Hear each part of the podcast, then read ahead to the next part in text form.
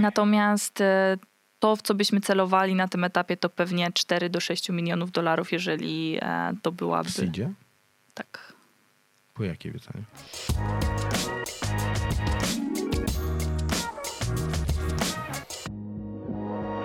Cześć, ja nazywam się Dawid Paczka, a to jest audycja Młode Wilki. Dziś moją gościnią jest Aga Pałka. Cześć Aga. Cześć, bardzo mi miło. A Aga jest finalistką konkursu Forbes 25 Under 25, ale przede wszystkim e, jest e, założycielką i CEO e, inicjatywy Get Dressed. Chciałbym teraz, żebyśmy zaczęli tradycyjnie mm, od tego, że przedstawisz Elevator Pitch Get Dressed. Wyobraź sobie hipotetycznie, że jestem funduszem VC, który chciałby zainwestować e, w przedsięwzięcie właśnie z obszaru, w którym działa Get Dressed. To tak naprawdę możemy wyjść od tego, że w momencie, w którym każdego dnia decydujesz, co chcesz na siebie ubrać, ja miałam z tym bardzo duży problem i bardzo dużo czasu temu poświęcałam. I myślałam, że to jest taki bardzo powierzchowny, prozaiczny problem, z którym po prostu ja się borykam i spędzam nad tym akurat specyficznie dużo czasu. Natomiast jak sobie wejdziesz głębiej w to, jak się na co dzień ubieramy i dlaczego, to okazuje się, że tak naprawdę mm, to, nad czym się zastanawiamy, kiedy podejmujemy decyzje ubraniowe, to jest decyzja tego, co my chcemy zakomunikować światu w danym kontekście.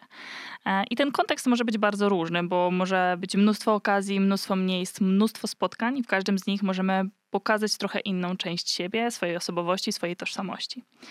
E, I Getrest można powiedzieć, że aspiruje do tego, żeby być takim Twoim jednym punktem, jednym miejscem, który pozwala Ci spersonalizować Twoje doświadczenie właśnie um, ekspresji i tego, jak Ty chcesz pokazać się światu, co Ty chcesz temu światu zakomunikować.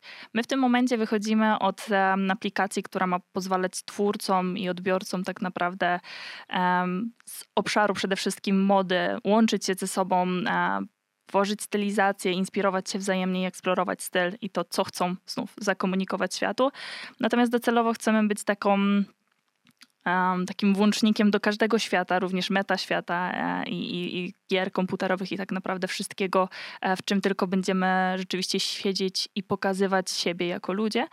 Um, tak, żeby to doświadczenie wybierania i decydowania, kim my chcemy być w danym świecie, było maksymalnie spersonalizowane, żebyśmy nie musieli podejmować decyzji, która opiera się o zbyt wiele opcji. Jeżeli ja dobrze rozumiem, to jakby na ten moment działacie w taki sposób, że na przykład mam duży e-com młodzieżowy, przychodzę do Was i mm, mówię, chciałbym, żeby moi klienci e, przy pomocy Get Dressed dostawali e, ode mnie propozycję stylizacji. Dogaduję się z Wami, płacę wam prawdopodobnie jakiś tam launch fee plus potem jakąś subskrypcję za obsługę tego. Mm, ale to, co mnie interesuje, nie już jako tego potencjalnego klienta, mm, to w jaki sposób te stylizacje powstają? Tak naprawdę, jeśli chodzi w ogóle o technologię, którą my tworzyliśmy dobre dwa lata, e, to my tworzyliśmy ją w oparciu na początku przede wszystkim o wiedzę ekspercką, o wiedzę stylistów. I my się z tymi stylistami spotykaliśmy, my sami zdobywaliśmy tę wiedzę, chodziliśmy na kursy, mimo że powiedzmy nie, był to, e, nie była to nasza jakaś wielka pasja, żeby tą modą się zajmować. Natomiast staraliśmy się zrozumieć i z, można powiedzieć przełożyć na algorytm to, w jaki sposób styliści myślą o dobieraniu ubrań, w jaki sposób ludzie w ogóle e, konceptualnie podchodzą do tego, żeby te pojedyncze elementy, pojedyncze produkty łączyć w pewne całości, dlaczego coś się komuś podoba, coś innego nie, gdzie jest ta granica powiedzmy gustu, a gdzie zaczyna się coś, co jest neutralnie czy, czy w, w w miarę obiektywnie uznawane za po prostu przyjemne wizualnie, jako outfit, jako stylizacja, jako to, jak ktoś wygląda. E, I, i począwszy od tego i tworzenia trochę takich ścieżek decyzji, które, które podejmują styliści, przekładania tego na jakieś podstawowe algorytmy, później wykorzystując e, dużą ilość danych, e, na początku właśnie e, związanych z obrazem i przetwarzając ten obraz, łącząc w jakieś konkretne grupy, ale znów tworząc konkretne założenia. Mm, zaczęliśmy tworzyć pierwsze modele, które zaczęły te ubrania dobierać, natomiast w tym momencie jakby dodatkowym takim podłożem, dodatkową warstwą informacji jest e, tak naprawdę to, co ten konsument już robi na stronie. Czyli jeżeli ty wchodzisz i zaczynasz swoją wizytę w sklepie od przeglądania, dajmy na to jeansów Levisa, to my już klasyfikujemy cię w jakichś obszarach. Dla nas już jesteś częścią pewnego klastra i każdy twój kolejny ruch, każdy event, który wykonasz na stronie, mm, daje nam kolejny input tego OK, czyli trochę okay, ten okay, stal. Tylko, że jakby propozycja, sama jakby ta konfiguracja z poziomu mm, sklepu opiera się o zestaw, y, zestaw y, dostępnych opcji w tym sklepie. Czyli jeżeli sklep na przykład ma 10 tysięcy ciuchów na sprzedaż, to wasz algorytm opierając się o jakieś pre predefiniowane założenia, czy jakby o ten, nie wiem jak to nazwać, o ten core, o, aksjomaty w tych, w tych, w tych algorytmach e, związane z e, jakimiś tam zaleceniami stylistów, jakby tą, tą, tym, tym bazowym know-howem. E, zestawia to z tym, co jest dostępne w sklepie, a następnie w oparciu o eventy, które wykonuje użytkownik, klasyfikuje, klasyfikuje to, co on powinien ubrać, tak? Tak, do konkretnego stylu. I to jest to, co jest w tym momencie. I gdzie, jakby, jakby z poziomu e, UX-a, gdzie ja widzę, w jakim momencie ja widzę tą zaproponowaną stylizację z mhm. poziomu sklepu? Najczęściej widzisz ją w momencie, w którym przeglądasz dany produkt, i pod tym produktem tak naprawdę masz pełną kompozycję złożoną między innymi z tego produktu. Czyli jesteś już prawdopodobnie wystarczająco zdecydowany, żeby zapoznać się z jakimiś detalami tego produktu i w tym momencie dostajesz informację, ok, w takim kontekście mógłbym założyć całość. Okay, a te dane są jakby, to w jaki sposób jest to przedstawione, to jest przedstawione po prostu przy pomocy e, dostępnych w, w sklepie zdjęć, tak? Czyli na przykład e, wasz algorytm uważa, że skoro chce zakupić 501, e, to do tego fajnie byłoby kupić koszulę w kratę i załóżmy, nie wiem, trampki e, i założyć, nie wiem, banderę jakąś i dostaje zaproponowane cztery itemy, tak, które jakąś tworzą całą stylizację, ale czy ponad te wyświetlone cztery itemy na przykład wyświetla mi się po, po, po potencjalna kompozycja zbiorcza, jakby to wyglądało, gdyby faktycznie ktoś miał te cztery rzeczy ubrane? E, w formie na człowieku, czy w formie kolażu? Na, na człowieku. Na człowieku w tym momencie nie. Mm. musielibyście wtedy mieć miliony zdjęć chyba w, w swojej bazie. No Wiesz co, to, to, znaczy to jest osiągalne i to jest y, realne, ale na razie przynajmniej też y, partnerzy, z którymi my pracujemy, nie mają takich potrzeb. E, przykładowo mm, taką firmą, która jest no, de facto największym największą firmą e, modowo-technologiczną w tym momencie w Europie, czyli Zalando, które może nie traktujemy go jako konkurenta, ponieważ oni nie sprzedają e, tej technologii dobierania ubrań i w ogóle personalizacji nigdzie dalej, tylko wykorzystują ją do tego, żeby... No, oni monopolizują po prostu rynek. Dokładnie, dokładnie. Tekstylny w Europie. No. Dokładnie i... Mm, oni na przykład, e, powiedzmy, z jakąś tam grupą 200 inżynierów, których sobie gdzieś tam utrzymują i są w stanie rozwijać dalsze technologie, no to tak naprawdę mogą realnie na spokojnie tworzyć sobie właśnie generować tak naprawdę na, w miarę na żywo tę stylizację na człowieku, mając po prostu zdjęcia właśnie, modeli. Właśnie, właśnie chciałem, to wyszłaś już do Zalandu, ja planowałem za 20 minut Kurde, zacząć grillo, grillować cię właśnie w oparciu o, o Zalando i zastanawiać się tutaj nad dostępnością zestawów danych, ale mhm. za, zaraz, zaraz do Zalando wrócę, bo to jest jakby będzie pewnie osobny, długi wątek. Mhm. E, no ale dobrze, czyli jakby pokazuje, mm, pokazuje mi to ten kolaż zdjęć, tak jak mówisz, pokazuje mi potencjalne inspiracje. Mm, I teraz jakby tego typu mechanizmy istnieją praktycznie w każdym większym e-commerce odzieżowym. Mm, jakby przy pomocy po prostu prostych algo, nie? Jeżeli coś, to wtedy zaproponuj to na zasadzie klasycznego top-upu sprzedażowego. Te Mm, te, mm, te proste zależności, sugestii w tych dużych e-commerce'ach są albo bardziej udane, albo mniej udane, ale koniec końców jakby one też pewnie robią jakąś konwersję sprzedaży. I jakby zastanawiam się, jako, jakiego edge'a, jaką przewagę jesteście w stanie wypracować mm, przy pomocy waszego algorytmu względem takich tych najprostszych, załóżmy, przestarzałych algorytmów, Mm, na właśnie zestawie danych, który dostarcza wam sklep mający tysiąc 10 tysięcy i 100 tysięcy itemów. Celowo podaję tak, taki trzeci rozstrzał, bo podejrzewam, że Edge będzie największy w tym trzecim wypadku, a w tym pierwszym będzie najmniejszy. 1000, 10 i, i 100 tysięcy. Tak, 1000 to jest tak naprawdę w ogóle nie nasz klient. My w ogóle mhm. nie jesteśmy w stanie nic pożytecznego zrobić dla tego klienta. Ten klient równie dobrze może sobie dać po prostu inni użytkownicy kupili również i to jest prawdopodobnie maksimum, które jest w stanie wycisnąć. E, poprzeczka jest znacznie ciekawsza w momencie, w którym wchodzimy w dziesiątki tysięcy produktów. Powiedzmy 10 to jeszcze jest trochę dla nas Dodajmy mało. Dodajmy 25 i 250. Mhm, Okej. Okay. 25 tysięcy produktów, oczywiście tutaj też e, są zależności związane z kategoriami, już daje nam pole do popisu, ponieważ ten użytkownik nie ma szans przejść przez wszystkie te produkty. Co więcej, im większy wybór, tym bardziej ten użytkownik jest overwhelmed, jest po prostu przytłoczony tym, jaką, ile ma możliwości i, i jak, ten, jak szeroki tak naprawdę jest ten wybór.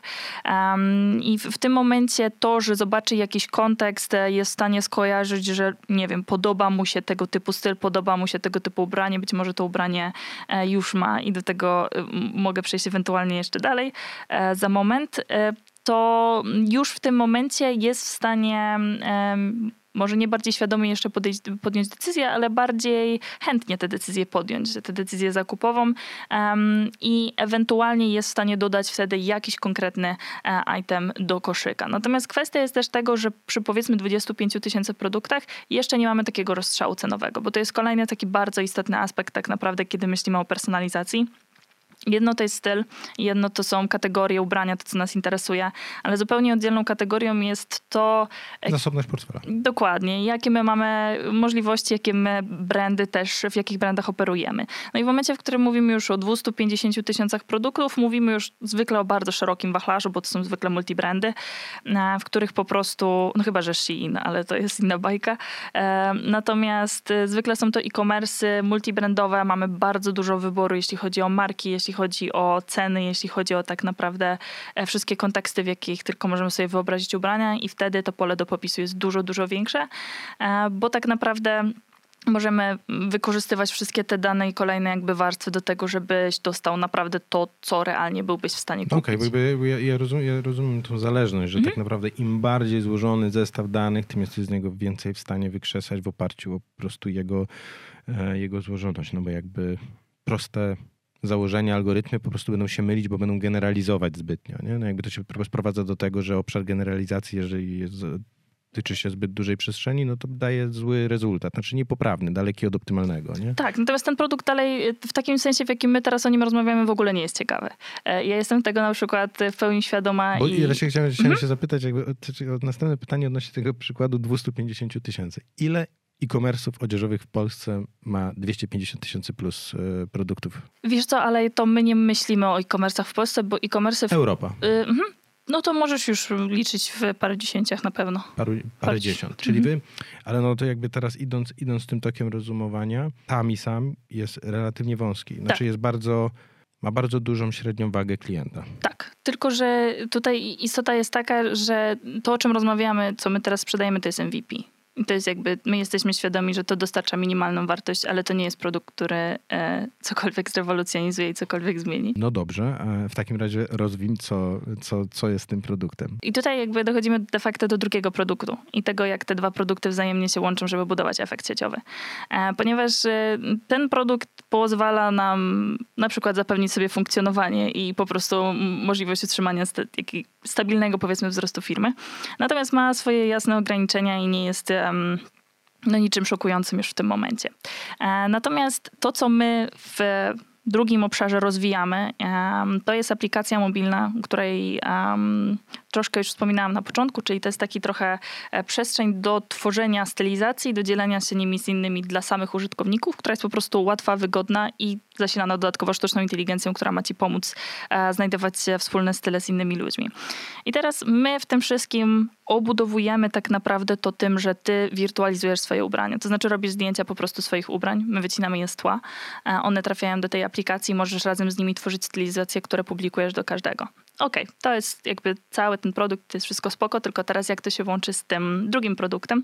No właśnie tak, że jeżeli tak naprawdę takie miejsca do personalizacji, choćby takie jak pod tym produktem, znajdują się już na jakimś e-commerce, a ty masz w naszej szafie, w, naszej, w swojej wirtualnej szafie, w naszej aplikacji swoje ubrania, to tak naprawdę za pomocą prostego połączenia na zasadzie kilkucyfrowego kodu, trochę jak Blik, jesteśmy w stanie ci spersonalizować tak naprawdę to, co widzisz, nie tylko ubrania, które są w tym sklepie, ale też ubrania, które masz w szafie. Czyli jesteśmy w stanie ci pokazać, hej, te jeansy będą, które właśnie przeglądasz na e-commerce, będą pasować z tą koszulą, którą już masz, z tą t-shirtem, który już masz, whatever. I w tym momencie znacznie poszerza się ten rynek, bo okazuje się, że to, że w sklepie jest tysiąc produktów czy 10 tysięcy już nie jest dużym problemem, skoro my możemy pokazać ci ten konkretny produkt, który przeglądasz nawet w średniej, małej marce modowej, będzie grał z tym, co już masz w szafie. Ale dobrze, ale aplikacja danych, czyli tych, e, tego, co ja mam w wirtualnej szafie, jest zależna od użytkownika. I jak byś chciała przekonać milion kobiet i mężczyzn na całym świecie, żeby zrobili ci 50 zdjęć i wrzucili je do twojej aplikacji? Nawet nie wiem, czy wszyscy będą mieć możliwość to zrobić.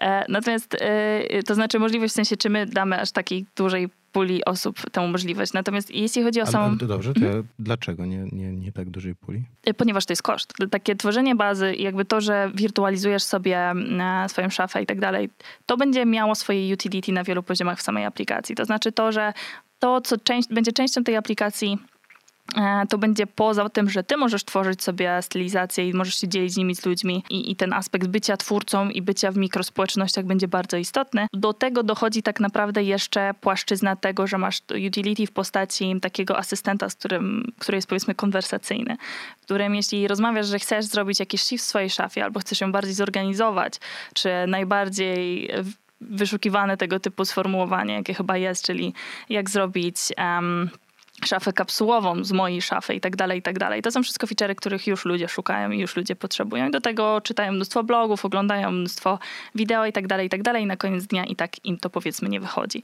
Więc są jakby różne utility. Czym jest szafa kapsułowa, przepraszam, y, jeżeli brzmi nie, nie, nie, może tak troszeczkę niewyrafinowanie, ale nie mam żadnego pojęcia. Pewnie. Szafa, szafa kapsułowa w dużej mierze to jest po prostu szafa maksymalnie minimalistyczna, która pozwala ci tworzyć dużo stylizacji, dużo kompletów, które wszystkie do siebie wzajemnie pasują, przy tym, że masz jednocześnie niedużo stosunkowo ubrań. E, czyli no, musisz przemyśleć powiedzmy te potencjalne stylizacje, które chcesz dalej tworzyć, ale chcesz mieć szeroki wachlarz z wąskiego wachlarzu produktu. No to chyba moja, moja starsza siostra chyba dokładnie stosuje się do tej zasady od wielu lat.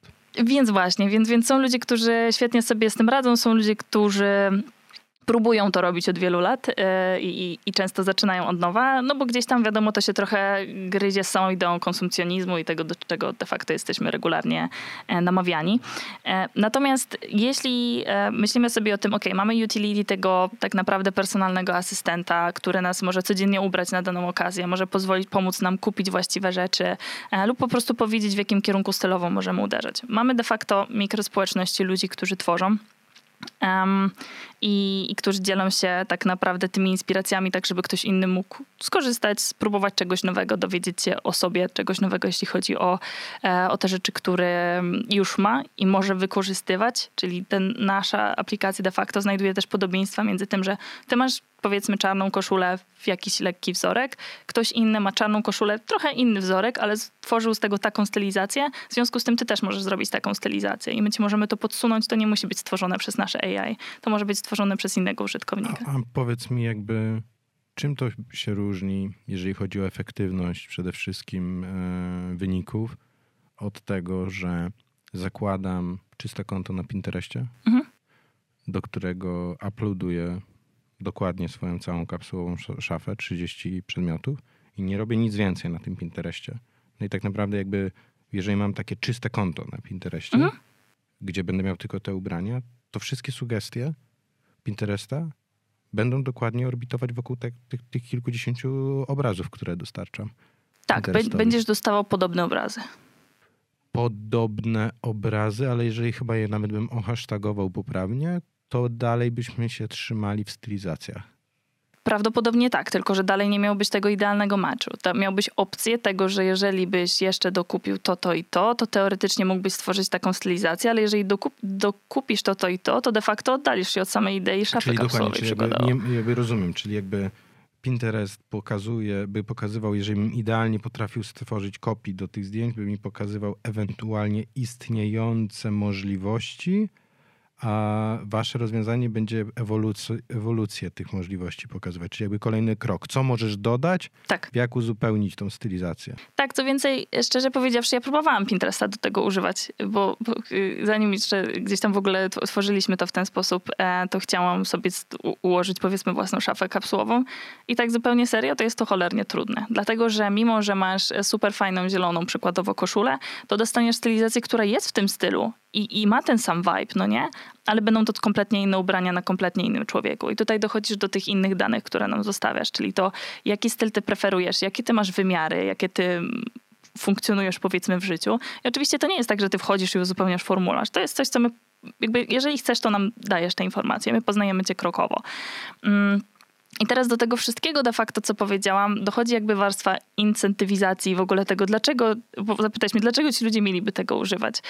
Mm. I tutaj my trochę y, szukamy takiego zastosowania dla utility tokenów, e, tak naprawdę. Czyli, czyli tak naprawdę mm, szukamy tego obszaru, w jaki sposób um, różni twórcy mogą w naszej aplikacji, tworząc stylizację w ramach stylów, które im się podobają, z produktów, które mają lub tych, które nie mają, a które są w sklepach, w jaki sposób oni mogą um, powiedzmy zarabiać lub mieć coś z tego, że tworzą po prostu jakąś wartość dla kogoś innego i ktoś, na przykład ty gdzieś po drugiej stronie weźmiesz sobie ten outfit, coś z tego stworzysz, nie? Skorzystasz z tego w jakiś sposób. I teraz nasza idea, czy takie założenia są w tym momencie jest taka, że GetTrust kupujesz tak naprawdę za tokeny, czyli wykupujesz sobie pulę tokenów e, i w ten sposób za te tokeny wykupujesz płatną subskrypcję.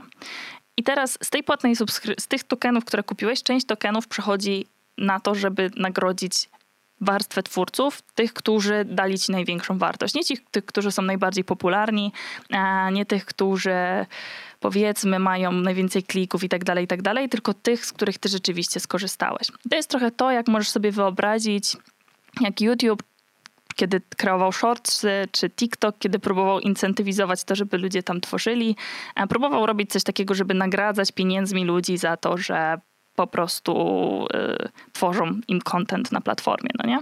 Tylko problem pojawił się w tym wtedy, kiedy okazało się, że te kwoty są jakieś niebotycznie małe i bardzo często doceniani są po prostu twórcy, którzy już są znani, są już influencerami gdzieś indziej. Teraz naszą grupą nie są wszystkie kobiety i wszyscy mężczyźni. Naszą grupą docelową są osoby, które chcą tworzyć i dzielić się tym, co im się podoba, ale kompletnie jeszcze tego nie robią. Są powiedzmy tą niezagospodarowaną grupą twórców, która jest na rynku, a takowa jest i, i to też wiemy z badań i no, większą jej częścią jest generacja Z.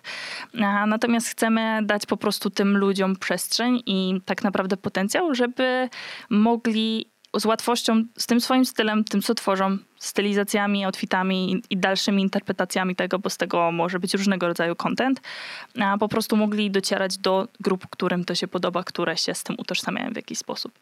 Więc to jest dość złożony produkt, kiedy się tak naprawdę o tym opowiada, natomiast my oczywiście myślimy o nim etapowo, roadmapowo i stopniowo. Dlatego też my nie będziemy wpuszczać, czy próbować nawet uderzać do kilku milionów osób na początku, tylko będziemy budować to e, startując pewnie od 10 tysięcy osób, które dostaną w ogóle pierwszą możliwość wejścia do platformy, która na początku będzie tylko oparta o to tworzenie, nie będzie jeszcze tej warstwy, tego utility stylisty. Natomiast każdy, nieważne czy będzie miał płatną czy niepłatną wersję aplikacji, będzie mógł po prostu zdecydować na taki preview mode. W sensie pobierasz aplikację, nie możesz przeglądać content, ale nie możesz sam publikować. Nie możesz sam tworzyć i nie możesz sam doceniać twórców. Nie masz też personalizowanego kontentu, mimo tego, że zostawiasz jakąś historię i nam jakiś ślad. Jeżeli kiedyś zdecydujesz się kupić te tokeny i tę płatną subskrypcję, tym samym zyskujesz te wszystkie rzeczy, których powiedziałam, że w tym momencie nie masz. Czyli de facto to, co, czym jest ta aplikacja. wyszłam od, zer, od dołu bardzo, bo wyszłam od feature'ów, a wyszłam do góry. Spokojnie, ja już mam pytanie. Ja cofniemy się zaraz. Dobra. Chcę ci dać dokończyć myśl, na spokojnie. Dobra. E, to tak naprawdę można powiedzieć, że jest Fashion Media Marketplace i to jest taki kierunek, do którego zmierzamy. Ja muszę zadać to pytanie. Śmiało. A po co utility token w tym?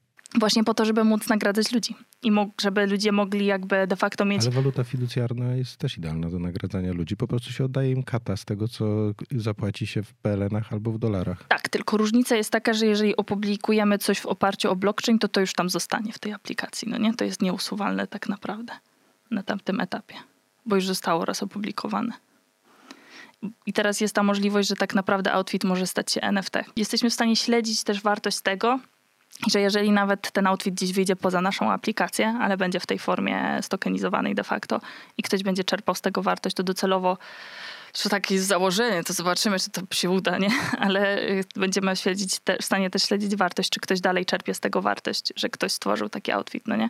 I tak naprawdę my incentywizujemy to, żeby ludzie... Chodzi, ale chodzi ci o to, że nie będzie możliwości zrobienia screenu i wrzucenia bezprawnie nie, nie, tego? Nie, nie, nie o to mi chodzi, tylko że jeżeli ktoś udostępni to w formatach, które my damy możliwość udostępniać, to my dalej możemy jeszcze dodatkowo to śledzić, gdzie to dalej poszło, nie? Natomiast abstrahując od tego, dalej zostaje ta incentywa, żeby tak naprawdę tworzyć wewnątrz tej aplikacji, żeby chcieć mieć te get just coiny, które, tak nazwałam to roboczo, ale powiedzmy te tokeny, e, które de facto e, pozwalają ci nagradzać tych twórców. Na jakim blockchainie chcielibyście to zrobić? E, de facto tak naprawdę rozważamy sobie tutaj trzy, no bo z jednej strony e, jeśli chodzi o to w jaki sposób też rozwiną się powiedzmy te, które już, e, te opcje, które już są. Natomiast jest tutaj Solana, jest Polygon i rozważamy też Ethereum. E, Ethereum wiadomo, jeżeli e, zmieni się tak naprawdę proof of stake i, i gdzieś tam przejdziemy na. Będzie to bardziej akceptowalne e, kosztowo. Kosztowo, po dokładnie. wejdzie Ethereum 2.0, przejdziemy z e, paradygmatu Proof of Work na Proof of Stake i wtedy po prostu średnia cena transakcyjna będzie niższa. Dokładnie. Natomiast no, Solana też ma swoje wady i zalety, powiedzmy, i, i Polygon. No, Można ją też... wyłączyć. Yy, Solana można na przykład miała przez ostatnie pół roku chyba trzy da, takie jakby odgórne wyłączenia i maintenance. No więc tak. sobie jest niestabilnym blockchainem i scentralizowanym. A z drugiej strony mamy Polygon, który też może jakby umrzeć, e, więc... Tak jest. Może z tym, jakby z tym niestabilnym to też tu sprostowanie. No chodzi o to, że jakby jest kierowany przez devów, więc jakby można go po prostu wyłączyć. O to mi chodziło. Czyli jakby jeszcze nie macie na twardo podjętej decyzji, będziecie patrzyli w jaki sposób ten ekosystem się będzie rozwijał i tam będziecie szukać szukać jakby no, mm, rozwiązania, po prostu partnerstwa, na którym można byłoby to można byłoby to stworzyć, tak? Tak, co więcej, no myślę, że tutaj dość istotne jest to, że raczej chcemy posłuchać w tym aspekcie, czy rozmawiać z ludźmi mądrzejszymi od nas w tym aspekcie, ponieważ my wychodzimy z technologii AI, wychodzimy z machine learningu, z um, gdzieś tam obszarów e, inżynieryjnych w IT, ale niekoniecznie z blockchainu i gdzieś tam z tym nigdy nie mieliśmy e, dużo związku. Natomiast sama taki, sam tak naprawdę koncept tego, żeby mm, znaleźć wreszcie sensowne wykorzystanie dla blockchainu lub spróbować znaleźć takie, które daje wartość w jakiś sposób sposób użytkownikom i, i gdzieś tam nie służy powiedzmy do tego, do czego teraz e, służy, bo, bo teraz nie ma zbyt wielu zastosowań, e, no to jest e, ciekawą ambicją jest na pewno też kierunkiem wartym, mm, myślę, spróbowania. Jest to na pewno globalnym challenge, no, szczególnie, w przemyśle, szczególnie w przemyśle modowym. No jakby teraz dzieje się bardzo dużo przestrzeni NFT, bo w jaki sposób to koresponduje z całą branżą tekstylną. Pojawiają się pierwsze e, pop-up, może nie tyle story, ale co bardziej jakieś showroomy e, w metaversie. Chyba H&M zrobił e, pierwszy taki showroom. No bardzo dużo już ich jest. To już jakby, jakby ta przestrzeń, ta przestrzeń ewoluuje, ona wiadomo, no jako, że tempo tej rozwoju tej mm, sfery jest zatrważające, no to nie wszystkie te pomysły mają jak, jakikolwiek sens. No i to będzie wszystko teraz tam fluktuować i, i się zmieniać w czasie, aż się ucywilizuje. No i tak jak, tak jak to powiedziałaś, wydaje mi się, że jakby samo mm, podejmowanie wyzwania, próby stworzenia sensownego zastosowania w tej przestrzeni jest jest, jest, jest samo w sobie poprawną ambicją, nie? W sensie jakby warto próbować, ale będzie to bardzo trudne i pewnie to będzie o wiele trudniejsze niż y, ulepszenie czy nawet udoskonalenie do, do perfekcji waszych sieci neuronowych, dzięki którym będziecie podawać idealne sugestie y, styli, stylizacyjne. Nie? Dokładnie. Y, jeszcze jedna rzecz, którą chciałam dodać do utility tokenów, o których wcześniej um, rozmawialiśmy, to tak naprawdę um, jeszcze jedna bardzo ważna, jeżeli nie, nie najważniejszy tak naprawdę argument za tym, żeby je potencjalnie u nas wdrożyć, no to jest też to, że w momencie, w którym rośnie jakość kontentu, jakość użytkownika, niekoniecznie ilość, to tak naprawdę rośnie wartość tokenów, rośnie wartość spółki, ponieważ e, im więcej jakościowych użytkowników mamy, oni tworzą kontent, a nie są tylko odbiorcami, e, tym więcej osób też odbiera tę wartość, bo to jest taki trochę one-sided marketplace, kiedy odbiorca jest też twórcą. Um, może trochę właśnie w kierunku podobnym do TikToka. No i w momencie, w którym gdzieś tam e, wartość tak naprawdę tego tokena e, rośnie, e, więcej użytkowników ma chęć, żeby więcej tworzyć, bo może zyskać te tokeny dalej. No i wartość spółki też rośnie, więc ta subskrypcja i cena tej subskrypcji jest de facto uzależniona od wartości tego tokenu. No plus jeśli chodzi o aspekty w ogóle przesyłania pieniędzy, bo tutaj też rozważaliśmy ten aspekt, no to problem polegałby na tym, że ilość transakcji, którą trzeba by było wykonać, żeby być w stanie nagrodzić wszystkich tych użytkowników, którzy tworzą nawet w czasie rzeczywistym albo z jakimś opóźnieniem, no to gdzieś abstrahując od kosztów, to ilość w ogóle transakcji, które trzeba było wykonać, mogłaby być po prostu dla nas nierealna do obsłużenia w porównaniu do e, tego, że możemy po prostu wdrożyć własny system, czy skorzystać z gotowego systemu do obsługi tokenów, które no już abstrahując jeszcze od regulacji prawno, powiedzmy, ekonomicznych, przy tym wszystkim um, przesyłaniu tak naprawdę pieniędzy Oczywiście, do no, masz z jednej strony masz wyzwanie regulacyjne, z drugiej strony też pamiętaj, że różne blockchainy mają różne capacity transakcyjne. Dokładnie. Jeżeli, jeżeli byście chcieli mieć możliwość, nie wiem, na przykład realizacji 150 tysięcy transakcji na godzinę, to tak naprawdę zapychacie bardzo dużą ilość część e, blockchainów, nie? Więc jakby te sidechainy typu Polygon, czy, czy takie szybkie blockchainy jak Solana, które mają przepustowość bardzo dużą, pewnie są tu ciekawym, ciekawym rozwiązaniem. Samo capacity, jakby, czyli jakby pojemność e, wszelkich rozwiązań finansowych jest może nie jest taką wiedzą intuicyjną, ale bo jakby każdy z nas płaci kartą płatniczą w sklepie jakby mało kto wie, że Visa czy Mastercard też mają ograniczone capacity. To, że czasami terminal się wiesza nie, często gęsto nie jest rezultatem tego, że jest słabe połączenie sieciowe, bo jesteśmy w centrum Warszawy i mamy pięć kresek na LTE, tylko właśnie tym, że jeżeli symultanicznie idzie na przykład na Mastercardzie 100 e, tysięcy płatności na całym świecie, to po prostu jakby ich system też się za, zapycha. Kwestia, kwestia tej pojemności tyczy się też e, rozwiązań obecnych obecnych, istniejących, nie, nie blockchainowych. Oczywiście w przypadku blockchaina są abstrakty typu, nie wiem, Bitcoin, który ma pojemność poza Lightning Network na poziomie 7 transakcji na sekundę, czy obecne rozwiązanie Ethereum to jest 20 kilka transakcji, Ripple to jest załóżmy tam 3000 transakcji, e, a na przykład właśnie już Solana mm, ma około 50-60 tysięcy transakcji na sekundę. Nie? No jakby Czyli ona jest odpowiednikiem właśnie już Mastercarda czy, czy, czy wizy, wizy, jeżeli chodzi o, o, o tą pojemność przesyłu liczby transakcji w bardzo krótkim czasie. Tutaj to więcej pytań miałbym do osób, które u Was stoją za technologią, czyli prawdopodobnie Waszego CTO i z nim mógłbym tutaj bardziej zgłębić arkany e, planów technologicznych e, w, tym, w tej materii. Tak płynnie bym chciał przejść, no bo jakby Get Dressed to, to nie jesteś tylko Ty, z kogo się w tym momencie składa was zespół? Mhm. Wiesz co, tutaj y, może trochę zahaczę o, o, kawałek historii, to znaczy w ogóle jak kształtowało się GetDressed, bo, bo gdzieś tam, tak jak wspominałam, my w ogóle wychodziliśmy od tego, żeby spróbować stworzyć sztuczną inteligencję, która dobiera ubrania um, i mówimy o roku 2017-18 tak naprawdę, kiedy w ogóle taka idea przychodzi nam do głowy, czy tak naprawdę problem do rozwiązania, bo to jest też okres, kiedy ja się borykam mocno z tym problemem, kiedy dowiaduję się, że ludzie spędzają średnio rok z życia na dobieraniu ubrań e, lub zastanawianiu się, w co ubrać i tak dalej, i tak dalej. Tracimy rok, rok życia na zastanawianie się w to, co, co ubierzemy, tak? Dane pokazują już, e, i, i to są wyniki, które już pojawiały się w okolicy 2018 roku właśnie. w tym momencie może ciężko byłoby mi powiedzieć, na ile te, zdanie, te dane się zmieniły ale rzeczywiście to, to jest taki okres, który, który gdzieś tam po prostu marnujemy.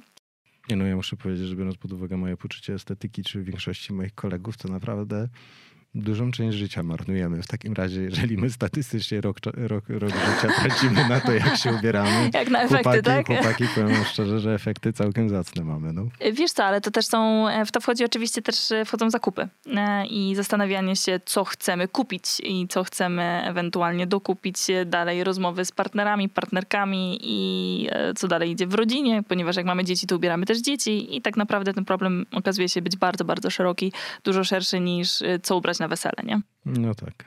Więc wracając do wątku, mm, więc w tym okresie ja e, zagaduję do Daniela. Oboje jesteśmy w technikum łączności, mm, uczymy się, żeby być technikami, informatykami, e, czyli po prostu uczymy się programowania i Daniel już wtedy od kilku lat zajmuje się sztuczną inteligencją, zgłębia te tematy, tworzy własne side projekty i próbuje rozwiązywać różne problemy, które są po prostu ciekawymi challenge'ami. Nie dlatego, żeby to jakoś jeszcze na tym etapie komercjalizować czy próbować coś z tym robić. To ile Daniel ma wtedy lat? Tyle co ja.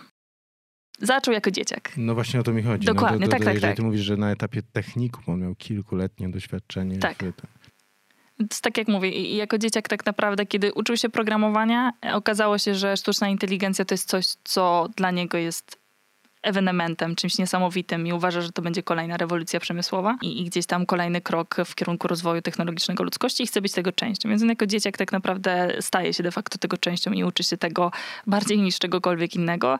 E, a my spotykamy się gdzieś tam w technikum i pytam go e, pewnego razu już jako e, przyjaciela, hej Daniel, a byłbyś w stanie, to było jeszcze wtedy dla żartu, stworzyć mi taką apkę, która dobierałaby ubrania za mnie, nie? I de facto wtedy można powiedzieć, że zapytałam mojego dzisiejszego CTO, czy będzie CTO tego startupu. E, bo rzeczywiście Daniel najpierw powiedział spoko, to za 5 lat jestem w stanie to dowieść, jak dzisiaj zacznę, e, a potem e, zaczęliśmy zgłębiać w ogóle temat rynkowy, czy ktoś już rozwiązuje ten problem. Okazało się, że w sumie to tak, że jest kilka ośrodków na świecie, głównie uniwersyteckich, Ile którzy... wtedy lat? 17, 18. 17, 17, 16. Chcę przypomnieć, o czym ja rozmawiałem ze swoimi przyjaciółmi w wieku 17 lat w liceum na przerwie. Nie, chyba nie pytałem ich o to, czy by nie chcieli zostać CTO w moim biznesie. A to było w wakacje, więc to był... Um... W, wakacje, w wakacje pracowałem na budowach i ewentualnie potem jeździłem do Mielna i piłem wino na plaży z kumplami. E, także nie, to też troszkę inaczej było. Myślę wtedy mimo wszystko. Fajnie, fajnie. No dobrze, no ale jakby i wymyślacie z Danielem, że będziecie... E, próbować rozwiązywać ten problem. Próbować rozwiązywać ten problem. Tak. E, I okazuje się, że to jest całkiem ciekawy temat. Idziemy z tym na jakiś tam konkurs dla uczniów szkół średnich e, i okazuje się, że w jury tego konkursu zasiadają aniołowie biznesu. I oni mówią, że to jest w ogóle fenomenalny pomysł i szkoda, że jesteśmy za młodzi, żeby go zrealizować. A my stwierdzamy, w sumie to mamy dużo czasu po szkole, uczymy się programować, fajne wyzwanie, e, nauczymy się bardzo dużo, będzie wpis do CV, może coś z tego wyjdzie, pewnie nie. Spróbujmy. E, I tak zaprosiliśmy trzecią osobę, naszego trzeciego wspólnika, czyli Marcela, który wtedy zajmował się pisaniem przede wszystkim apek, kodowaniem apek mobilnych. E, I gdzieś tam postanowiliśmy, że razem spróbujemy coś z tym zrobić. I, i rzeczywiście... Ja też muszę to dopytać. W wieku 17 lat zajmował się pisaniem apek. W sensie... Tak, w Swiftie. Swift wtedy istniał chyba dwa lata czy trzy i jego wujek był programistą i e, postanowił. Ja wiem, że to śmiesznie brzmi, ale technikum, technikum łączności jest pełna takich, e, takich ludzi. Technikum łączności w Krakowie jest naprawdę pod tym względem niesamowitą szkołą, e, bo tam przychodzą, e, oczywiście pewna wąska grupa, ale przychodzi grupa praktyków. Ja nie jestem z tej grupy kompletnie. E, zresztą dzisiaj nie programuję i, i myślę, że bym nie szlak trafił, gdybym e, się tym A to zajmowała. przypadkiem nie kończył też Jakub Pawelski? Dokładnie. Okay, okay. I on też zaczął w podobnym wieku, zresztą przecież on w technikum w klasie maturalnej zaczął no, tworzyć tak, LiveKida. Znaczy to nie LiveKida, tylko zrobił chyba mamie wtedy e, oprogramowanie, żeby pomóc jej zarządzać przy, jej przedszkolem, tak, czy żłobkiem, który, nie pamiętam. E, tak, tak, w zarządzaniu. A potem tam chyba wszystkie koleżanki, jak zobaczyły, że nie trzeba robić tej rzeczy na papierze, to poprosiły, czy by Jakub nie mógł Dokładnie. też im dać tego oprogramowania. Ale t- taka historia zdarza się bardzo wiele razy w naszej szkole. Oczywiście zwykle to jest, czy zrobiłbyś nam stronę internetową, e, a nie czy rozwiązałbyś jakiś konkretny problem, ale jeżeli zaczynasz rozwiązywać konkretny problem, to zaczynasz często tworzyć produkt, a z tego produktu może może nie wyjść biznes. No dobra, czyli jest e, trzech, e, trzech siedemnastolatków, e, którzy stwierdza, jeden od ekspert od AI, przepraszam, że się śmieję, no ale jakby zdanie trzech siedemnastolatków, jeden ekspert od AI z wieloletnim doświadczeniem, jak mówisz, to naprawdę... Kilkuletnim wtedy no powiedziałam, no to, ale... Ale wieloletnie, kilku, tak. na dzisiejsze standardy, jeżeli ktoś może jakby szczerze powiedzieć, że zajmuje się 6 lat AI, a wiesz, że on ma już wieloletnie doświadczenie. A wiesz, że on e, uczy ludzi w korporacjach e, no, właśnie no to tego. jakby o, o, to mi chodzi. Potem jesteś ty, jako frontmenka, pomysłodawczyni i osoba, która y, może w ogóle chłopakom wyjaśnić, co, czym jest stylizacja, bo domyślam się, że tam jakby może mogli nie ten. I jest y, Marcel, który suma summarum w wieku 17 lat już leci ostro zapkami i koduje. Oj, ostro to nie, bo dla, potem będzie mówił, że nie, nie, on nie ostro. Dla wujka, dla wujka, dla wujka na boku tam za, za ten ro, e, robi, robi... Nie, nie, ale tak, no bo wujek pracował w Software House i, i potem zresztą w, w takim dość dużym korpo. No dobrze, no jesteście w trójkę, wpadacie na ten pomysł, jacyś tam aniołowie biznesu mówią, że super pomysł, ale młodym to nie wypada go robić, i, ale wy mówicie, że jednak, jednak będziecie go robić po szkole i co dalej? Yy, I tak naprawdę zapraszamy kolejne sześć osób, utalentowanych w różnych dziedzinach. Niektórzy z jakimiś tam doświadczeniami, niektórzy bez żadnych. Um, wiesz, no w, te, w technikum też jest specyfika taka, że masz praktyki, um, więc nawet jeżeli gdzieś tam dla większości ludzi zbieranie doświadczenia zaczyna się na etapie studiów, no to my w dru druga, trzecia klasa tak naprawdę już musimy iść do jakichś firm e, i coś porobić, więc co ciekawe, my mieliśmy możliwość jakby przez inkubator pójść do własnej powiedzmy firmy, w sensie to był projekt, to nie była firma, ale mogliśmy robić praktyki w GetRest, więc mogliśmy na przykład miesiąc czasu Bo właśnie poza... nie mogliście założyć firmy ze względu na wiek Tak, chociażby. tak, no. tak, tak, tak, tak. W Polsce nie ma takiej możliwości prawnej. E, Co ciekawe, mieliśmy na przykład umowy, jak potrzebowaliśmy przed... Wydaje mi się, że moglibyście zrobić, um, z tak, to taki lekki e, off-top, ale moglibyście założyć spółki, spółkę ZOO na swoich rodziców, gdzie w umowie spółki byłoby autoprzekazanie udziału w momencie, kiedy uzyskacie pełnoletność. Mieliśmy tak, nawet draft takich umów, ale nie zdecydowaliśmy się na to. E, Co więcej, i w momencie, w którym chcieliśmy przetwarzać dane różnych osób, żeby przeprowadzać z nimi badania UX i tak naprawdę badania jakieś rynkowe, wywiady i tak dalej, i tak dalej, e, to też te osoby podpisywały zgodę, którą po drugiej stronie podpisywali nasi rodzice, ponieważ my nie mieliśmy mocy prawnej, żeby jakby przetwarzać w ogóle dane. Em, I tak naprawdę była nas e, już na etapie roku 2018 dziewiątka, no i rzeczywiście wtedy startujemy próbując... Tylko, że ta szóstka jest waszymi pracownikami, może współpracownikami, no praktykantami. Znaczy to... Nie, nie są na equity, o to mi chodzi. Tak, nie są na equity i jakby wprost deal jest taki, że jeżeli coś będziemy z tego kiedykolwiek mieć, to oni będą pierwszymi osobami, które zostaną jakby wynagrodzone za wykonaną pracę wstecz, a my będziemy osob- oso- ostatnimi osobami, które cokolwiek z tego będą e, miały finansowo. I rzeczywiście No tak tak po exicie, jak zrobicie, jak będziecie unicornem, no to tak wyjdziecie na tym ostatecznie. No, dobrze, No, nie, no ile kiedykolwiek będziemy, nie? Okej. Jak na razie jest co 4 lata i nam się nie śpieszy. No dobra, no spokojnie, że, że to jest jakby oczywista, oczywista rzecz. Czyli jakby, że zbieracie się w grupce znajomych, w, techniku łączności, gdzie mówicie, słuchajcie, my działamy, my tym, my tym zarządzamy, jakby koncepcyjnie my kierujemy, obieramy azymut, wy nam pomagacie, jednocześnie sobie odbijacie praktyki, nie robicie dla kogoś, tylko robimy wszystko razem, fajnie, w młodej grupie działamy. Wszyscy po 17 lat. Tak, no i gdzieś tam idea była po prostu taka, że nawet jeśli się nie uda, to będzie warto. I myślę, że to było takie po prostu nasze przesłanie, bo zbierzemy sobie fajne kontakty biznesowe do przyszłych, do przyszłych pracodawców potencjalnie, do różnych osób, do których możemy uderzyć, jak będziemy chcieli robić inne projekty, e, bo będzie co wpisać do CV, bo pewnie to nie wyjdzie, ale może jakieś wizualizacja, może strona, może gdzieś się coś gdzieś wrzuci, pójdzie się dalej na staż trochę wcześniej niż cała reszta. I myślę, że to był taki pierwszy, pierwszy punkt. Z drugiej strony duża część nie wiedziała, czy chce iść na studia, czy nie chce, więc może od razu by poszli potem do pracy. Jeżeli by coś mieli już, że coś e, tworzyli w grupie, co było czymś ala firma. Więc to też nie było tak, że my gdzieś tam wychodziliśmy z założenia, otworzymy unicorna. Wręcz zupełnie nie. To było na zasadzie, ale by było super, jakby ktoś używał naszego produktu. I, i ale byśmy byli dumni, jakby tak było. Po prostu dać mamie albo siostrze, albo bratu do używania i żeby używali. To by było po prostu ekstra. I to było jakby szczyt naszych ambicji na tamtym etapie, tak myślę. Mm.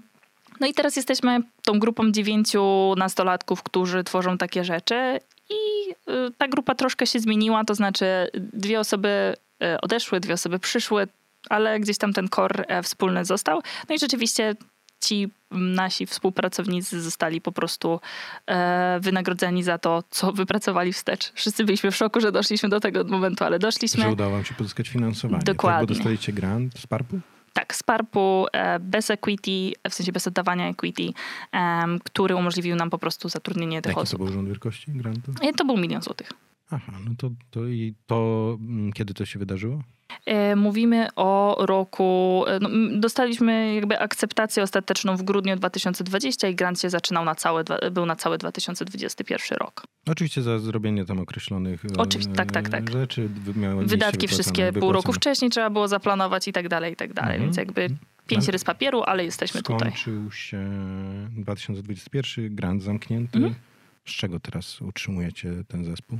Wiesz co, tak naprawdę em, z jednej strony jeszcze z oszczędności, które e, powiedzmy gdzieś tam e, mamy z jakichś współprac z różnymi partnerami, takich na poziomie jeszcze proof of concept powiedzmy, MVP. Z drugiej strony teraz przymierzamy się do podpisania umowy z takim partnerem już po okresie testowym, dość dużym. I e, de facto teraz na okres marca planujemy e, próbę pozyskania inwestycji w Stanach. I Jak będziecie chcieli pozyskiwać? Wiesz co, no mamy kupione bilety Okej. e, i w dużym skrócie po prostu w tym momencie e, szukamy różnych osób, z którymi możemy Wy Macie porozmawiać. wszyscy 21 lat? No nie, niektórzy są młodzi, To uważajcie w tych Stanach. ale ci co lecą mają 21. ci co lecą mają 21. Ciekawe, to jest w ogóle prawdopodobnie, wiecie, powinniście gdzieś to mm, jakby uwydatnić, bo jestem w stanie założyć się, że nie ma w Polsce organizacji, już nie mówiąc technologicznej, której średnia wieku jest poniżej 21 lat i ma, która ma 9 współpracowników. Mógłbym założyć, że nie ma młodszego teamu dziewięcioosobowego w kraju. Już nie mówiąc o tym, że rok temu byliście 20, 20 mieliście średnią 20 lat, a dwa lata temu 19, więc to jest całkiem... Nawet mniej, bo mieliśmy młodsze. Mieliście jeszcze... Teraz mamy jedną starszą która ma 23 lata, Uuu. więc trochę leci nam górę. I macie Nestor do niego mówicie, czy jakoś tam... Nie, nie, Paweł. Pa, tak, panie Pawle. Panie, Pawle. Panie Pawle, tak pan jest. posłucha. Nie, nie, to jest wiesz, jakby, y, oczywiście to mm, jakby nie, nie tyle, że sobie z was doboruję, bo to nie o to chodzi, ale ja, ja, ja szczerze uważam, że jest to bardzo dużej klasy wyróżnik, który pozwoliłby przebić się do wielu mediów z tą informacją. Na takiej zasadzie po prostu publikacji jako ciekawostkę, że po pierwsze jesteście z jednego miejsca, tak, no bo to jest ten, jesteście kumplami, przyjaciółmi z liceum, z drugiej strony jesteście dalej bardzo młodymi, bardzo młodymi ludźmi.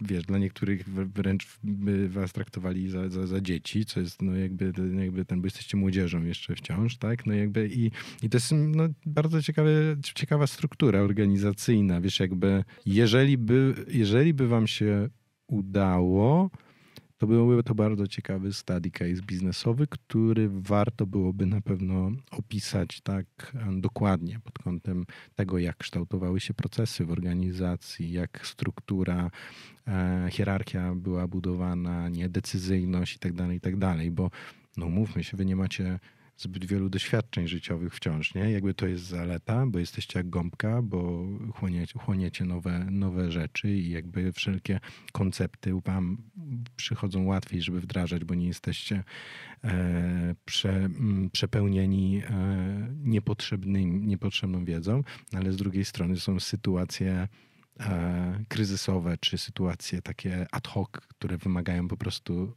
doświadczenia. One wtedy jest o wiele łatwiej po prostu udzielić sobie odpowiedzi, bo ktoś już to przeżył, więc mówi, to trzeba zrobić tak, nie? Więc jakby, jakby potencjalny success story z, moje, z mojego punktu widzenia, tak jak z tobą rozmawiam, pomijając już oczywiście wszelkie finansowe aspekty i wynikające z tego korzyści dla Was, to tak naprawdę dla mnie ciekawsze byłoby po prostu za 10-15 lat, jeżeli Wam się uda, e, przeczytanie takiego całego, całego story. Myślę, że dobrą, dobrą powieść biznesową można byłoby tego zrobić, lekko to zbeletrystykować i opisać, wiesz, no bo podejrzewam, że Wasze zebrania zarządu 3 lata temu e, były... W no, McDonaldzie. W McDonaldzie, ale do tego jeszcze sama forma tej jakby rozmowy 18-latków, gdzie troje się na Trwały trzy godziny te spotkanie. I nakreślacie tam plany, wiesz. Musicie ja mam Google... rysunki z tego wiesz, to, są, to są takie, wiesz, to są takie, takie, takie żarty. Każdy się, każdy się, każdy się z tym na początku drogi spotyka przede wszystkim wiesz, w, pierwszym, w pierwszych biznesach, tylko jakby no, te pierwsze biznesy zazwyczaj są o wiele później niż, niż wy zaczęliście. E, no wiesz, ja, tam pierwszy swoją działalność zacząłem chyba w wieku 21, 22, 22 lat. Ja, pierwszy, ja pamiętam, że mimo, że byłem na studiach ekonomicznych, e, to jak wrócił do mnie termin EBITDA, e, to ja, ja tak, tak jak też miałem problem po prostu rozwinięciem tego, z rozwinięciem tego skrótu, nie? I wiesz, jakby dużo terminów było takich absurdalnych dla mnie i całe życie początkowe googlujesz, co znaczy dany skrót, tak? Co znaczy dana nazwa, dlaczego to tak działa i tak dalej, i tak dalej. I dla mnie, wiesz, abstrakcyjne jest to, że miałbym zacząć tak złożony biznes w tak młodym wieku, nie? No jakby, jakby to zupełnie... Ale on był dużo prostszy na samym początku, bo chcieliśmy tylko stworzyć apkę, która dobiera ubrania, nie?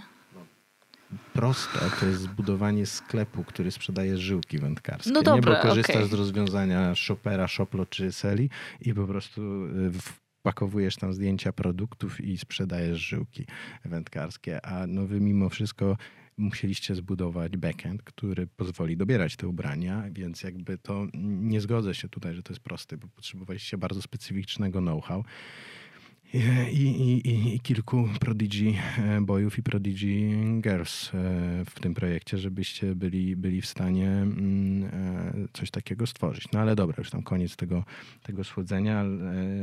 Wracając, wracając do meritum, chcecie, przygotowujecie się teraz do rundy, chcecie iść do, mm, do Stanów. Jak wy sobie to teraz wyobrażacie? Lecicie do Stanów, do, do Silicon Valley i, i Gdzie pukacie? Wiesz co, y, jest kilka, kilka takich wizji, które oczywiście są takim marzeniem. E, ze względu na to, ile gdzieś tam efektów sieciowych my planujemy w naszym biznesie, no to oczywiście NFX, mimo że bardzo młoda organizacja, to jest taką organizacją, do której bardzo chcemy zapukać i bardzo chcielibyśmy się e, umówić e, na spotkanie, bo wiele materiałów, które oni wytwarzają de facto było dla nas też podstawą do dojścia do niektórych wniosków i, i opcji, możliwości.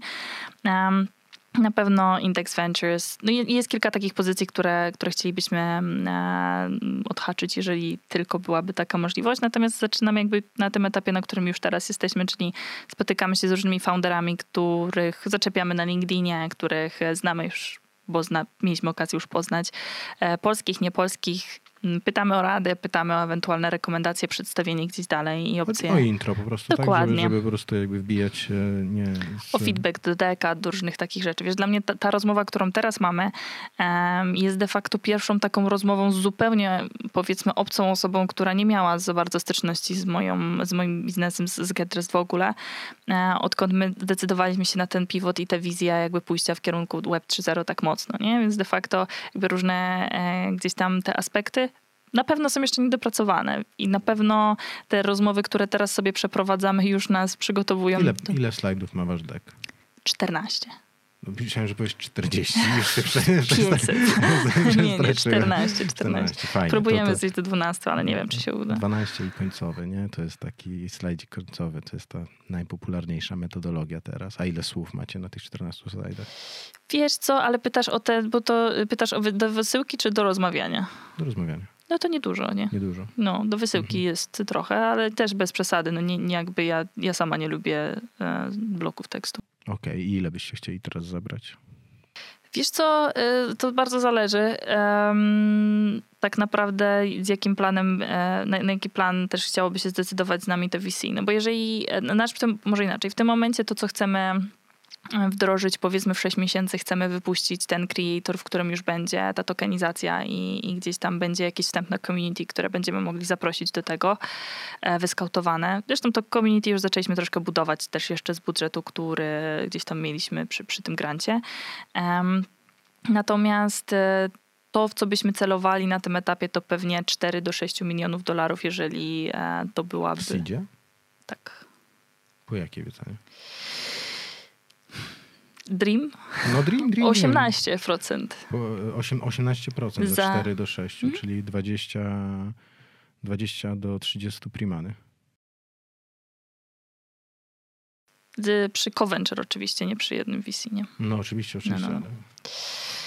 Wiesz, jeśli się okaże, że to jest nierealne, to nas pewnie zweryfikuje rozmówca. Znaczy w Europie to absolutnie nie Nie, no to nie, nie mówi, dlatego nie, nie, mówimy o Europie, dlatego mamy bilety byłoby, tam. Nie byłoby realne, no. no to bardzo ambitnie bardzo ambitnie. A jakby ta wycena jest uzasadniona jakimś projected revenue, jakimiś wynikami, czy po prostu bardziej chodzi wam o nie ma liczby użytkowników, potencjalnych efekt sieciowy. Mm. Jak, na czym opieracie mm. tą wycenę? E, wiesz co, e, przy takiej wycenie moglibyśmy na spokojnie zacząć sobie za 6 miesięcy przy 10 tysiącach użytkowników, takich już, którzy zdecydują się na... Um, tak naprawdę jakby celem jest dotarcie do produkt market fitu dla tych powiedzmy eksplorerów, osób, które chcą odkrywać w aplikacji i tych, którzy chcą tworzyć. Czyli jakby to jest to, do czego zmierzamy. No i idea jest taka, żeby za 6 miesięcy de facto mieć 10 tysięcy osób, które będą chciały wykupić um, aplikację, subskrypcję miesięczną, jakby wykupić tokeny, które pozwolą im e, zapłacić za subskrypcję miesięczną właśnie tworzenia, publikowania, inspirowania itd., itd. A z drugiej strony potencjalnie zarabianie, jeżeli tworzą coś wartościowego, więc takie e, taki, taki pierwszy ruch. E, no i cel wówczas byłby taki, żeby mieć eksponencjalny po prostu wzrost przez trzy miesiące i wtedy szykować się do kolejnej rundy i tak naprawdę po, po 9 miesiącach pójść na rundę Um, no i wtedy runda po jakiej wycenie w Dream Scenariusz? I tutaj w sumie nie wiem, czy jest sens w to wchodzić jakoś bardzo głęboko, bo to będzie... Dobra, to jakby nie, nie idźmy, bo wiadomo, że tam po prostu dasz jakiś multiplayer, czy to będzie 4x, tak, czy to będzie 3x. Będziemy sobie hipotetyzować, ja, ja, nie? Ja, wiesz co, mm, ja zadam ci takie troszeczkę, troszeczkę inne pytanie. Dlaczego uważasz i dlaczego uważacie w trójkę, że Get Dressed jest warte, e, mówię oczywiście o Dream Scenariuszu, między 80 a 120 milionów złotych. Bo uważam, że z grupą e, docelową, do której uderzamy i z tym, jaki rynek tak naprawdę powstanie, a powstanie na pewno w obszarze media marketplace'ów w Web3, e, który wyjdzie poza Instagramy, Facebooki itd., tak itd., tak po prostu stworzy się rynek i jeżeli to nie będziemy my, to będzie to ktoś inny. Co w was powoduje przekonanie, że jesteście w stanie mm, wyegzekwować projekt po takiej wycenie w tak młodym wieku? Co sprawia, że wy i Get Dressed jakby możecie być tym właśnie, to, tą, tą ekipą, która zagospodaruje tą przestrzeń, która jest oczywiście warta miliardy dolarów, nie? Tylko, tylko jakby wydaje mi się, że to może być abstrakcyjne dla naszych widzów i słuchaczy, że tak młoda, oczywiście elokwentna i, i jak najbardziej rozsądna osoba jak, jak, jak ty, wierzy, że, wiesz, że, że jej pomysł jest warty fortuny. Wiesz, w realiach, w realiach polskich, nie? 80-120 mm, milionów rewen na GPW uzyskujesz nawet w biznesach technologicznych przewartościowanych, w przedsięwzięciach, które e, załóżmy idą na mnożniku PE typu, nie wiem, 25x, no to mówimy tutaj o, o biznesach, które legitymują się w tym momencie EBIDą na poziomie 4 milionów. EBIDą i mówię o REWE. Wiesz, są biznesy sasowe, technologiczne na GPW, które po REWE mają mnożniki 2,5 ma, nie będę wskazywał nazwy firmy, ale jest firma w Polsce, która ma prawie 4000 płacących klientów subskrypcyjnych i ARR na poziomie 16 czy tam 18 milionów złotych i wiesz, i w tym momencie ma wycenę 45 milionów na, na GPW przy e, free floatie, czyli jakby akcjach rozwodnionych na poziomie tam 35%, nie?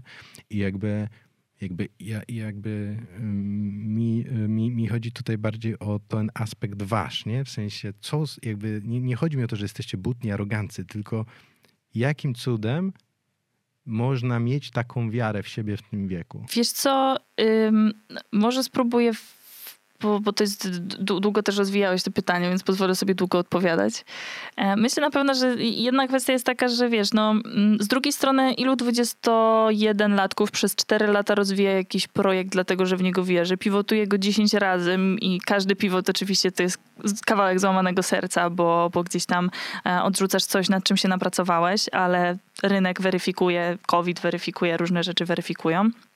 Um, ilu 21-latków tak naprawdę jest taką grupą, gdzie nie tylko trzech founderów się trzyma tak długo, żeby coś stworzyć, bo wierzą w coś i chcą coś dowieść konkretnego bardzo e, i, wierzą w jakąś konkretną wizję, ale tak naprawdę cały zespół wykraczający poza tych founderów. Ilu też 21-latków masz w tym momencie, którzy są w tym całym stanie i mają w tym momencie możliwość polecieć na miesiąc do Stanów i po prostu spróbować, zabetować to, nie? Jakby dlaczego mielibyśmy batować na mniej? W momencie, w którym my mamy designy tej aplikacji, mamy UX, mamy badania, mamy tak naprawdę analizy rynkowe tego, czy, czy to ma szansę zadziałać. Mamy technologię dobierania ubrań, mamy arch całą architekturę efektów sieciowych, które większość ludzi na świecie w ogóle nie rozumie, jakby jak mogą e, działać. Nie rozumie też jakby powiązań, jakby, które gdzieś tam, no zresztą po co mieliby próbować e, interpretować każdy produkt, powiedzmy, digitalowy e, pod kątem tego, jakie różne efekty tam zachodzą, zresztą nie tylko sieciowe, ale też skali i tak dalej, i tak dalej. Więc mamy tak naprawdę dużo, dużo więcej niż pomysł, kiedy tam przychodzimy. I gdybyśmy chcieli po prostu sprzedać tą technologię, tak po prostu, nie wziąć um, jakąś dużą markę e, e-commerce modowy, e, multibrand albo, albo monobrand już niezależnie i sprzedać im na wyłączność naszą technologię, to moglibyśmy się tak skaszować i skończyć ten biznes, nie? zamknąć po prostu temat i nigdy więcej do tego nie wracać. I bo ta technologia ma już swoją wartość i wycenę i my moglibyśmy... Zresztą Mieliście jeszcze... oferty na stole już jakieś skonkretyzowane? Pytania, może w ten sposób, no ale... to opiewały, myślisz, że one by te pytania mogły się zakończyć propozycją typu wykupu waszej e, technologii za 10, 15, 20 milionów? Nie, takiej skali na pewno nie. Ale takiej, która byłaby dla mnie, dla nas pozytywnym zakończeniem, ok, skończyło się heja, nie? Nie pewno nie mówię o, o takich kwotach w ogóle, nie? E, ta technologia aż takiej wartości nie ma, byłoby fajnie, ale nie. I, I tak naprawdę możemy na wielu etapach już po prostu skończyć. I jeżeli, wracając jakby do całego tego początku tutaj wypowiedzi, które zrobiłam, czyli że i co tak naprawdę ty też wcześniej zauważyłeś, nie ma drugich takich osób w Polsce w tym momencie, nie wiem jak tam w innych krajach, bo nie za bardzo mnie to interesuje, ale które miałyby po prostu taką możliwość polecieć do Stanów, porozmawiać z pierwszymi VC, spróbować przedstawić taką ambitną wizję, ambitną um, tak naprawdę. Zresztą myślę, że jakbyśmy powiedzieli o takiej wizji i powiedzieli mniejszą wycenę, to szczerze powiedziawszy, było to by jeszcze mniej wiarygodne, e, żeby to, to zrealizować. I myślę, że po prostu, wiesz, tak jak mówię, dlaczego mielibyśmy nie zabetować i dlaczego ktoś miałby nam w sumie nie uwierzyć, że jesteśmy maksymalnie komitet, żeby to zrobić. Abstrahując od wielu metek, które my sobie w międzyczasie duszyliśmy, różnych brandów, e, czy w których podjęliśmy pracę, czy w których podjęliśmy studia, e, bo zresztą Daniel w tym momencie jest na UPenn University of Pennsylvania. Ja w tym momencie, która też pracuje w, w Big Four powiedzmy. E, I mamy te, te, te wszystkie gdzieś tam obszary i, i pytanie y, zaopiekowane i pytanie, czy gdybyśmy mieli 31, a nie 21 i przyszli y, z, z taką propozycją i z taką wyceną, to czy ktoś popatrzy, popatrzyłby na nas inaczej, z taką historią w cudzysłowie tych czterech lat pracy, no nie? Czy ktoś popatrzyłby na, na nas bardziej sensownie i uznałby, kurde, no rzeczywiście to ma większy sens? Pewnie tak. No i okej, okay, ja jestem z tym okej, okay, że przez, nas wiek, przez nasz wiek ktoś może uznać, że to jest zupełnie irracjonalne, ale jestem przekonana, że gdyby przyszedł tam 31-latek czy 30-latkowie, to pewnie byłoby to uważane za coś, co ma dużo większy sens niż gdy my tam przyjdziemy, ale jestem gotowa spróbować i, i, i, nie mam powodu, żeby betować za mniej. Ja teraz tylko dopowiem, że moje pytanie było sugestywne, jakbym się nie zgadzał z tym, co robicie, ale ja się właśnie paradoksalnie w 100% z Tobą zgadzam. I to jest coś, z czego uważa, uważam brakuje. Nie chcę mówić w polskiej przedsiębiorczości, tylko wydaje mi się, że to może brakować globalnie nawet. Nie? Jeżeli rynek definiuje takie standardy, że jest możliwe uzyskanie gdzieś takiej wyceny, to nie sprzedajmy się tanio, tylko tak jak ty mówisz, zainwestujmy te 20-30 tysięcy złotych, polećmy do Silicon Valley e, na miesiąc, spędźmy tam prawdopodobnie swego rodzaju przygodę życia, e, pohaslujmy, pochodźmy, popukajmy do drzwi, skonfrontujmy się. Może się zdarzyć, że w Starbucksie spotkamy Petera Tiela, podejdźmy do niego. I, i, I o to mi właśnie chodzi, że wiele polskich wybitnych przedsięwzięć, które było realizowane technologicznych w ostatnich 15 e, latach, przez to, że się rozwodniło za szybko i za tanio, e, to spowodowało, że w długim okresie one były skazane na porażkę, bo founderzy budzili się na etapie e, pre-break-even mm, z 25% equity na 3-2 i gdzie wtedy jest motywacja do działania, nie? E, wiesz, jakby case bootstrapu i wyjścia z grubego C w pierwszej rundzie, no to właśnie wcześniej po, po, po, po wspomniany Jakub Pawelski, który w pierwszą, pierwszą rundę zrobił prawie że rekordową w zeszłym roku, jak na polskie standardy. Pozyskał 9 milionów e, od pana Januarego Ciszewskiego, tak? Po wycenie chyba 45 czy 50 primany. Absurd, tak? Jak na polskie, polskie standardy. To była pierwsza runda finansowania. Już tam nie wchodząc w szczegóły, ona była jeszcze dobra pod kilkoma innymi aspektami technicznymi tego, jak ona finalnie przebiegła, ona była jeszcze lepsza niż wydawało się na, na, na okładce. Drugi taki przykład w Polsce abstrakcyjny to na przykład Baselinker, firma, o której do czasu pożaru e, serwerowni OVH nikt nigdy nie słyszał, ze względu na to, że ona z tego co wiem do tamtego czasu była jeszcze prowadzona jako JDG, więc nigdzie w sieci nie było ich wyników. I dopiero jak spłonęły serwery OVH, i okazało się, że wolumen transakcyjny na Allegro spadł o 40%. Wszyscy zadali pytanie, jak to jest możliwe. No i diagnoza była prosta, padł base. No i w tym momencie e, im e, fundusz Sebastiana Kulczyka wjechał tam od razu na grubo i pierwsza runda, ona jest oczywiście niepubliczna, ale można szacować, że pierwsza runda była po wycenie 300-400 milionów. Mówimy tu o spółce ZOO, która została za, za, założona na potrzeby tego, na potrzeby tego deala, tak? Gdzie, gdzie wiesz, jakby to w ogóle nie, nie wiadomo ostatecznie chyba, jakie tam były warunki. Można domyślać, że mówimy o wycenie 340 milionów. E, I, I zmierzam do tego, że zazdroszczę ci, zazdroszczę wam, mm, że wasze pokolenie e, ma taką wewnętrzną odwagę, żeby w ogóle coś takiego, wiesz, jakby zrobić, w ten sposób myśleć i, i po prostu jakby nie bać się, no nie bać się jechać do Stanów, i mówi, i mówi zabetować, mówi, mówi im powiedzieć, wiesz, do partnerów e, VC tamtejszych, słuchajcie, nasz pomysł jest tak zajebisty, nie? że on jest warty 100 banik złoty, nie? I, i, I byłby to naprawdę już scenariusz, jeżeli pozyskacie nawet po tej wycenie. Potem to się rozsypie, bo nie wiem, założenia biznesowe nie wyjdą, czy jakby po prostu coś tam nie wyjdzie, to sam ten fakt dopięcia tego mm, jest niesamowitym achievementem i, i trzymam kciuki, żeby on się spełnił. A teraz jeszcze na koniec zadam Ci takie pytanie mm, odnośnie, no bo jesteście młodzi, rozwijacie już ten biznes 4 lata, e, no ale pewnie macie jakieś dalekosiężne plany, jest tu Web 3.0, wiecie, że to się będzie e, dalej rozwijać. Jaki jest taki Twój dream scenario na ten biznes, na to, gdzie on będzie za 5-10 lat i gdzie ty w nim będziesz. Czy ty w nim będziesz, czy ciebie w nim już nie będzie? Wiesz co, my się śmiejemy w trójkę, że giełda nowojorska, nie? E, I, gdzieś tam to jest coś, co, co, co, za parę lat chcielibyśmy spróbować zrobić z tą, z tą spółką, z tą firmą. Ja osobiście mam takie podejście i to może być w ciekawym kontraście do całej tej rozmowy, ponieważ moje ambicje takie osobiste, dlaczego ja w ogóle chcę tworzyć biznes, biznesy, bo, bo pewnie na jednym się nie skończę, um, nie jest związane, nie wiem, z kasą, z, z technologiami, może aż tak bardzo, z, z zmienianiem całego przemysłu. E, natomiast bardziej z tym, że ja bym chciała tworzyć konkretne kultury pracy. Ponieważ ja nie chcę, wiele osób chce tworzyć produkty, rozwiązania, bo chce mieć wpływ na ludzi, zmieniać życie ludzi, którzy są po drugiej stronie produktu. Takie jest bardzo często przynajmniej podejście, z którym ja się spotkałam.